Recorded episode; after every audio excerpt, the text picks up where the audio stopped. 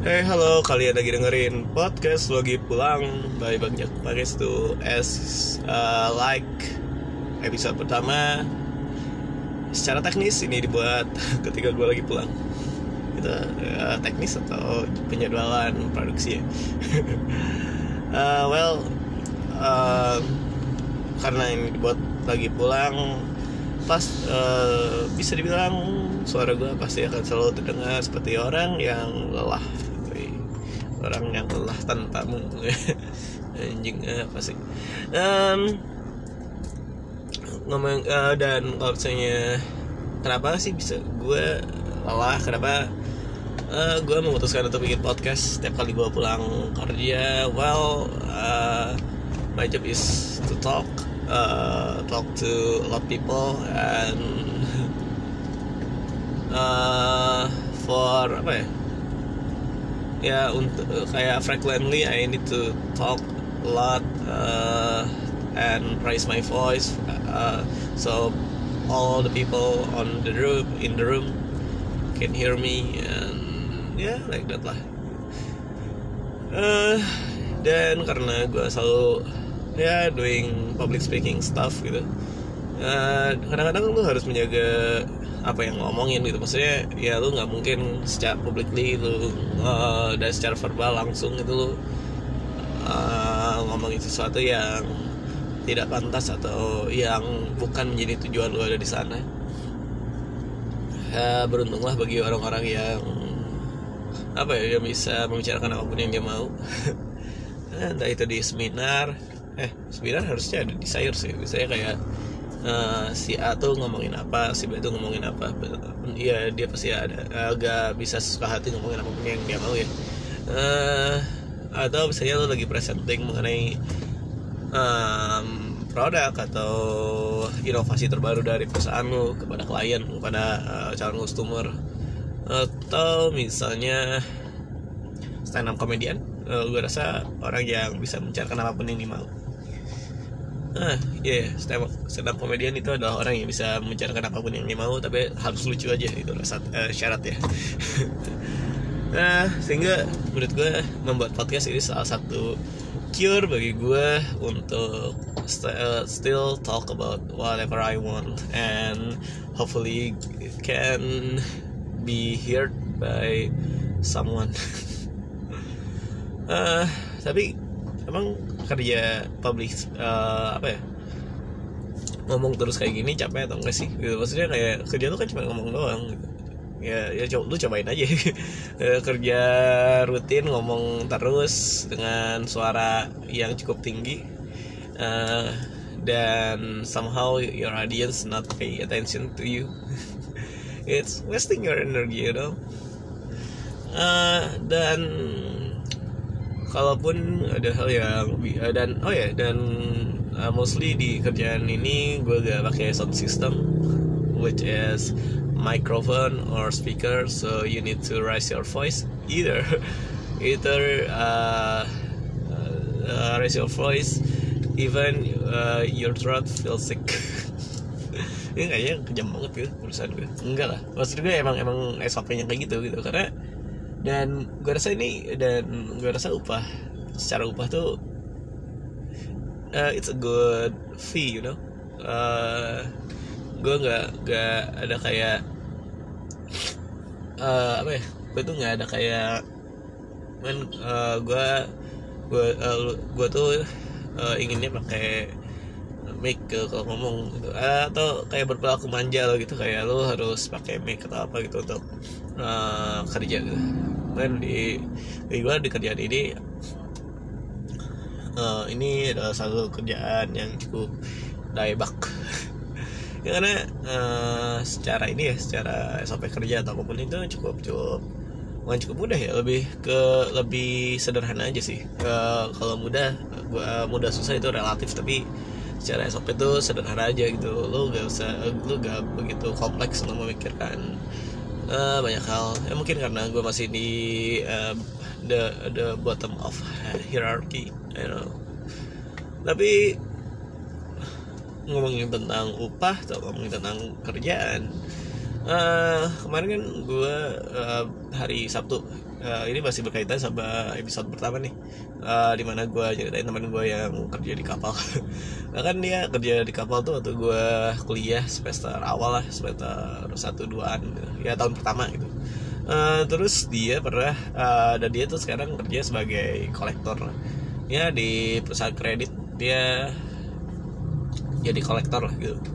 Ya you know lah kayak debt collector nah uh, but the interesting point adalah si teman gue ini uh, dia uh, dia tuh bukan orang yang begitu nyeremin gitu untuk jadi seorang debt collector. Ya kan biasanya kalau misalnya di sinetron sinetron tuh debt collector tuh kayak sorry tuh saya ini kedengaran rasis kayak uh, ya kan kalau di sinetron sinetron di film gitu debt collector tuh selalu orang timur. Yang yang badannya kekar gede gitu kan atau uh, terus berotot yang ngejimnya tuh di doping pakai uh, steroid tuh. Uh, Ya, tapi kan teman uh, dan teman gue tuh yang debt collector ini dia uh, dia tidak seperti itu. Maksudnya kayak uh, dia orang yang menurut gue secara badan tuh ya ya gak nyeremin lah gitu mas. Dan dia tuh nggak nyeremin dan saking nggak nyereminnya menurut gue ini kayaknya ini orang nggak cocok sudah jadi debt collector tapi um, dia nyerita gitu maksudnya uh, kayak gimana sih kerja kerjaan sebagai kolektor gitu maksudnya kerjaannya tuh nggak nggak kayak di sinetron sinetron yang main senggol aja gitu. Enggak atau main narik aja juga enggak gitu. Uh, uh, itu sinetron tuh lebih gitu. Uh, menggambarkan debt collector sebagai orang yang suka narik narik karena itu SOP kerjanya. Enggak lah gitu. Uh, debt collector tuh ada SOP-nya ada tahap pertama tahap kedua tahap ketiga gitu uh, uh, itu ada what if what if ya if uh, si A gak bayar pada hari itu dan apa gitu. If si orang ini gak bayar uh, kapan dia akan ngelakuin apa tuh ada ada algoritmanya kali. Dan so ini ya se uh, yogyanya se yogyanya se yogyanya tuh kalau misalnya teman gue ini dia uh, nyerita kalau misalnya dia tuh pokoknya nagihin orang-orang yang memang belum bayar cicilan lah simpelnya kayak gitu. Nah um, dia tuh mostly dia selalu uh, nagih orang-orang yang memang uh, kreditnya kredit motor gitu. Uh, ya mungkin karena oto uh, sorry gue hampir gue sebutin nama gitu ya uh, ya mungkin karena perusahaan dia tempat dia kerja memang mostly ngejual kredit untuk motor. So ya dia selalu lagi orang-orang yang nyicil motor. Terus uh, kan gue pikir kerjaan kayak gitu harusnya nggak uh, begitu gitu ya uh, maksudnya gak, gak setara soal gaji gue gitu. Karena kita sama-sama uh, apa ya? dikejar target terus kita juga sama-sama uh, hitungannya duit gitu. Eh gue, gue kerja udah hampir ketawa ada kerjaan gue apa. Uh, ya jadi uh, maksud gue gue pikir gaji tuh masih di beberapa ratus ribu di atas UMR kota Bandung gitu. Tapi ternyata gaji dia kayak sejuta lebih gede gitu dari uh, dari gaji gue gue kaget gitu kayak anjir gajinya segitu gaji pokok itu uh, segitu anjir gitu. Gue gue pribadi gue kaget gitu. Uh, dan teman gue uh, teman yang sekerjaan gue bilang kayak ah, itu kasih kecil anjir. Uh, gue nggak tahu gitu value dari kerjaan orang kayak gimana gitu. Tapi seseorang yang bisa dapetin uh, uh, orang dan gue tuh selalu amazed gitu dengan orang-orang yang gajinya di atas gue. Berarti kerjaannya lebih ribet dibanding gue gitu. Ya ternyata beneran gitu. Ternyata ketika gue ngobrol emang kerjaannya lebih ribet daripada gue. Uh, karena uh, let's say kayak gini uh, kerjaan gue tuh cuman uh, uh, uh, public speaking gitu. Uh, ngobrol sama ngomong sama banyak orang tentang A tentang B tentang C itu. Terus tapi dia gitu uh, tapi dia tuh harus ketemu one on one sama orang ini nagih duitnya gitu. Uh, nagih duit cicilan gitu. Uh, ya kayak kronologis kayak uh, misalnya di bulan pertama atau dua bulan pertama dia eh, dua bulan dia udah gak bayar tuh eh, biasanya disamperin sama temen gue nah eh, kalau misalnya orang yang kooperatif eh, ko kooperatif tuh biasanya memang ya antara dia bayar atau dia bikin perjanjian men gue gak mau bayar dua bulan. Bisa nggak eh, talangin dulu nanti eh, nanti bulan kedua nanti gue bayar deh gitu. Eh, which is good gitu. Ya, maksudnya kayak ya bener sih maksudnya eh, secara finansial tuh ah, bukan secara finan- finansial sih. Eh, secara kewajiban nah itu katanya. Secara kewajiban kan orang-orang yang eh, punya hutang itu kan harus dibayar. Terus kalau misalnya ternyata orang ini belum sanggup eh, eh, bulan ini gitu misalnya. Terus baru menjanjikan dia baru bisa bayar bulan depan juga nggak masalah gitu. Eh, karena kan itu hal yang sifatnya wajib gitu lo bayar. Kalau nggak lo dikejar-kejar itu. Bukan dikejar-kejar sampai akhirat ya tapi lebih kayak eh, ya itu akan ngakar kalau misalnya lu nggak bayar nanti ngakar ke eh, keluarga lu gitu atau ngakar ke apa namanya ngakar ke eh, tetangga-tetangga lu teman-teman lu. Percayalah nanti gue ceritain itu.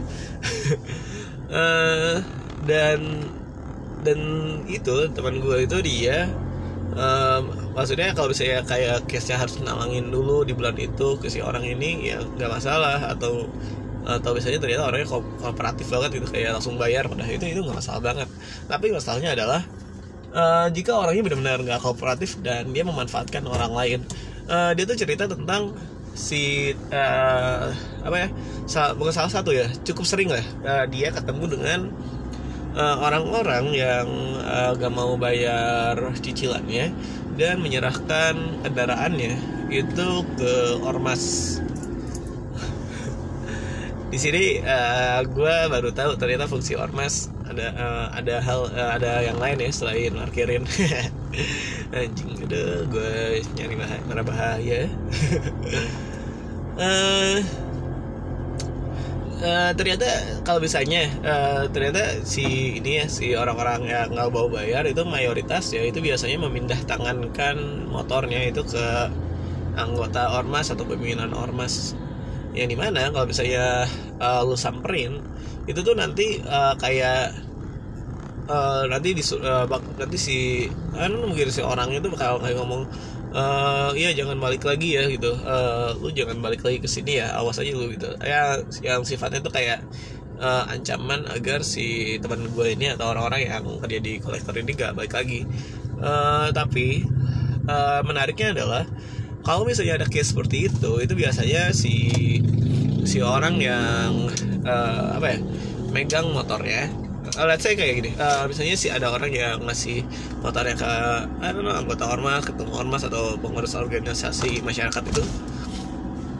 Setelah dia ngasih uh, kendaraan ya dan dengan catatan dia belum beres cicilannya dan uh, dia mau apa namanya?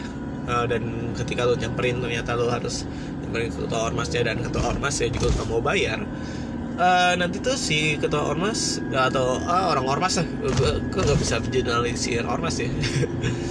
Eh, si orang ormas ini tuh dia harus bikin surat kuasa. Surat kuasanya dibawa sama teman gue itu dibawa ke kantor dan dari sana kantornya akan eh, apa ya kayak mengirim tim pukul. Anjir. Nah mungkin mungkin di poin itu kayak uh, stereotip stereotip debt collector. Orang timur keluar kayak. Juga eh, si Neta tuh rasis aja. Ngomongin debt collector tuh harus orang timur atau batak eh, orang emang orang Jawa orang Sunda orang Kalimantan bisa jadi debt collector bisa lah nah, asalkan medannya keker ya jadi eh jadi pas gua eh, ngobrol eh, ternyata si perusahaan kredit tuh kayak punya afis, afiliasi dengan entah itu serikat penagih hutang kayak di video dokumenter Vice tuh ada eh, apa sih namanya gue kayak bukan serikat nih organisasi pe- penagih utang gitu gue lupa judul lengkapnya di Vice tapi lu coba cari aja eh, penagih utang gitu lah Eh, nanti lu akan terarah ke video Vice di YouTube ya uh, terus uh, gue tuh waktu waktu ngobrol ternyata kan si setiap kredit jadi dia punya apa ya, channel ke ormas or staff lah gitu. nah terus lucunya tuh adalah oh ternyata setelah ini setelah gua setelah gua banyak ngobrol tuh ternyata memang uh, sistemnya kalau di Indonesia katanya emang harus seperti itu cuy. Gitu karena kalau misalnya nggak kayak uh, dan oh ya sorry uh, gue lupa ngasih tahu juga. Jadi uh, si si apa namanya si serikat uh, penagih utang yang yang selalu digambarin orangnya ya atau yang sama teman gue di tersebut dengan tim pukul itu juga adalah orang-orang yang nantinya bertugas untuk kayak narik kendaraan atau uh, nyegel rumah atau apa pun itu. Uh, ya alasannya ya ya karena mereka sangar dan orang yang disamperin biasanya takut sih harusnya. Ya, kecuali kalau saya keluar keluar jadi uh, big show gitu. Ini orang-orang tahu nggak ya big show? Big show tuh pemain smackdown itu aja sih uh, jadi ada gitu. Jadi ketika ketika udah sifatnya dalam tanda kutip ya dalam tanda kutip main kasar itu mereka punya divisinya sendiri ya jadi uh, jadi ada orang yang tersendiri jadi orang-orang inilah ya dimanfaatkan oleh si perusahaan kredit ini untuk melakukan uh, apa ya SOP yang uh, dalam uh, kutip kasar sih dan biasanya kata teman gue kalau misalnya case nya udah si motor eh, si kendaraannya udah dipindah tangan kan itu tuh mayoritasnya nggak pernah works gitu. dan akhirnya perusahaan rugi karena Indian si orangnya tetap gak mau bayar gitu dan dan ya udah gitu akhirnya cuma ada jotos aja cuma keluar duit gede aja gitu untuk si orang ini nagih ya. tapi mostly gitu tapi gak semuanya tapi ya mostly nah dan ngomongin soal ngutang kita tuh sekarang sekarang udah banyak platform untuk ngutang ya. Nah, dari mulai GoPay Later, OVO Pay Later, uh, Aku Laku, Kredivo, terus eh dana ada pay later gak sih? Gue lupa. Uh, ya kan? Uh, kayak gitu lah. Terus uh, salah satu hal yang menarik adalah um, ada uh, gue lupa deh aku laku atau kredivo ya kredivo kayak uh, kredivo uh, atau ya atau salah satu di antara itu atau salah satu di antara uh, fit apa bukan fitur ya? Ya kalau misalnya OVO sih emang fitur GoPay juga fitur ya. GoPay Pay Later, OVO Pay Later nah let's say kayak perusahaan yang memang uh, ya bisa memberikan kredit gitu. Kredit pinjaman pada uh, penggunanya. Itu tuh mereka punya cara sendiri untuk uh, apa ya? Untuk menagih utangnya uh, let's say kayak gini. Let's say kalau misalnya ternyata uh, ternyata kalau misalnya lu gak bayar aku laku lu selama dua bulan gitu. Nanti tuh uh, sama uh, uh, suatu hari jika lu nggak bayar bayar utang ke uh, uh, aku laku kredivo atau apa pun itu itu tuh nanti uh, si orang ini tuh approachnya bukan kalau bukan ke keluarga lu gitu tapi ke malah bisa jadi ke tetangga lu ke teman lu ke teman uh, teman lingkungan lu teman kerja lu teman SMA lu. Karena kan uh, jika lu sadar ya uh, ketika lu daftar uh, salah satu platform untuk kredit itu lu tuh nanti kan akan allow kontak allow kontak to apa ya allow uh, to si kontak ya intinya kayak mempersilahkan si aplikasi itu untuk mendapatkan isi kontak tuh. Nah sebenarnya isi kontak itu tuh bukan biar dia bisa promote ke satu-satu orang itu kalau misalnya lu nggak bayar tuh mereka akan ngechat mereka atau nelfon mereka gitu agar nanti mereka yang lagi ke lu. Sih lu kayak uh, lu lu tuh kayak lu kelupaan aja gitu lu tuh udah pernah lu pernah hutang uh, apa uh, paket data gitu uh, di ya kalau gue pakai aku laku gitu gue sering uh, apa ya minjam di aku laku sih untuk paket data karena urgent dan duit gue kan disimpan di rekening yang buat nabung. Uh, jadi uh, mostly di rekening utama gue uh, atau rekening yang memang untuk alur keluar masuk duit itu sangat-sangat saat ini sangat sangat biasanya nggak ada duitnya lah gitu. Makanya gue sering kredit uh, pakai data atau pulsa di platform itu karena menurut gue itu yang paling aman untuk gue utang ya kebiasaan utang pulsa kan udah dari SMA, SMA uh, kuliah sih jadi bangga lagi udah uh, punya utang pulsa. Well, anyway misalnya lu uh, misalnya gue nih uh, gue ngutang pulsa gitu ke aku aku dan gue belum lupa lu kelupaan aja bayar gitu karena gak ada notification atau ketika gue bayar error atau apa pun itu nanti tuh si perusahaannya itu si perusahaannya ini nanti bakalan nelpon tetangga lu. Uh, kalau bisa ternyata kalau bisa gue utang gue cuma uh, let's say cuma satu ribu gitu terus uh, utang gue uh, terus si platform ini platform kredit ini dia um, apa ya somehow ngerasa aja nih orang kok nggak bayar bayar ya satu ribu. Terus dia dia tuh bukan nggak akan kayak kayak opsi pertama dia bakal nelfon gue tapi opsi keduanya itu dia nelfon tetangga gue atau teman kerja gue dan masalah itu kalau misalnya gue kan gue jarang nyimpan nomor telepon siapa pun ya. Maksudnya ketika lu lihat WhatsApp gue tuh kayaknya cuma isinya nomor doang gitu. Ya, dan ya, kebayang ya yang dan yang gue simpen tuh cuma nomor atasan manajer paling atas gue gitu terus uh, sama orang-orang yang menurut gue penting itu di save uh, ya bukan penting ya maksudnya kayak semua orang penting sih. Uh, gimana ya? Karena uh, ya cuma atasan gue aja. Kalau kalau ada sidak uh, dari by phone by WhatsApp tuh uh, seenggaknya gue gak usah nanya ini siapa ya gitu. Uh, nah gue tuh waktu apa ya? Waktu gue dan kebayang gak sih uh, ketika lu lagi kerja lu ditelepon sama atasan lu lu belum uh, sama atasan lu terus lu uh, kata atasan lu lu belum bayar uh, aku lah uh, sorry ya aku tuh deh uh, lu belum lu belum bayar gopay gitu. Oh uh, sorry sorry sorry uh, saya bayar sekarang kok bapak tahu? Ini ada orang gopay yang nelfon bapak bangke lu bangke tuh. Uh, kayak kayak kesel. Kalau gue pribadi gue bakal kesel banget tuh. Anjing kenapa gue uh, anjing kenapa gak sabar aja gitu? Telepon gue kayak gitu. Atau apa kenapa telepon atasan gue dah. Dan best uh, gue dan teman-teman yang waktu itu ngumpul kita sepakat itu cara cara mereka untuk nagih. Maksudnya dengan bikin kita malu. Anjir kita dikasih tahu kita udah pernah ngutang ini terus gak dibayar. Ya, gue berapa banyak ya orang-orang yang gue pernah utang uh, gue tuh kayak negara Indonesia loh. Uh, punya uh, punya utang tapi gak sebanyak nggak uh, banyak aja gitu. Masih rendah dibandingkan orang-orang lain. Pembelaan um, dan menurut gue kalau misalnya lu mau pakai atau sorry kalau lu mau mencoba untuk memanfaatkan platform pabrik kredit sebenarnya nggak ada masalah sih as long as you pay it ya semua pinjaman tuh selama lu bisa bayar sih aman sih.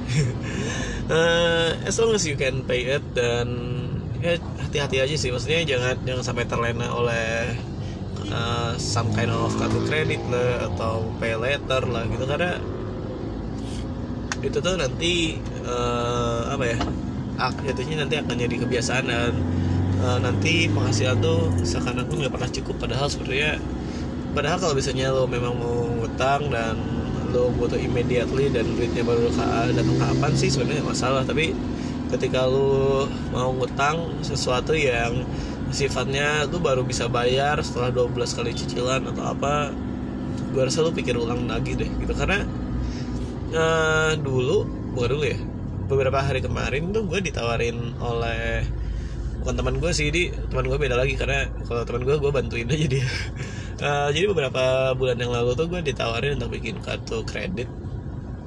Uh, terus kan gue teman gue ada yang kerja di bank dan dia cerita tentang kartu kredit dan bla bla bla sebagainya.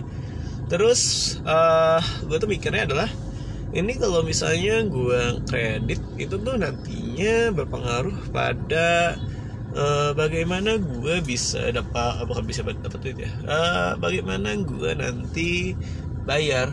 Let's say kayak uh, misalnya gue kredit motor.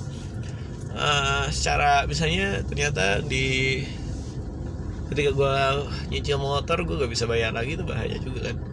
Uh, sayangnya gini oke okay, uh, gue pikir sederhana lah biar biar lebih gampang untuk didengar. Gak berarti gue sadar ya gue agak jelas kalau ngomong Eh, kalau misalnya ini kalau uh, kalau misalnya lo mau uh, nyicil sesuatu atau minjem uang dan bayar dengan angsur kayak kalau lebih baik lo pikirin dulu sendiri deh sebelum lo uh, disamperin sama apa ya gue tuh lupa deh sama sama orang yang datang ke rumah uh, untuk cicilan apa ya namanya gue lupa deh. Uh, jika jika lo tahu tolong kasih tahu gue gue lupa. Uh, jika uh, daripada daripada lu langsung beli itu akan lebih bagus kalau lu belinya cash. Tapi ketika emang itu urgent dan lu need immediate immediately gitu. Nah let's say kayak lu butuh motor untuk apa namanya? Lu butuh motor untuk bulan ini karena bulan ini mobilitas lu tinggi dan lu nggak mungkin manfaatin uh, ojek online terus terusan akhirnya lu uh, beli motor tapi karena pada saat itu lo gak punya duit cash akhirnya lo beli cicil sebenarnya gak apa-apa tapi perhitungin juga maksudnya kayak uh, misalnya lo pegawai kontrak ya lo berarti itu perhitungkan itu. Lo tuh apa namanya uh, lo tuh bisa gak bayar sampai lunas gitu dan other stuff. Kalau enggak sih sebenarnya ya lo bisa ya perhitungan perhitungan aja sih. Maksudnya jangan jangan sampai uh, utang itu jadi beban eh, bukan ya utang pasti jadi beban. Ya. uh, maksudnya jangan sampai si utang itu menjadi uh, apa ya mengambil kebutuhan pokok lu juga gitu. Um,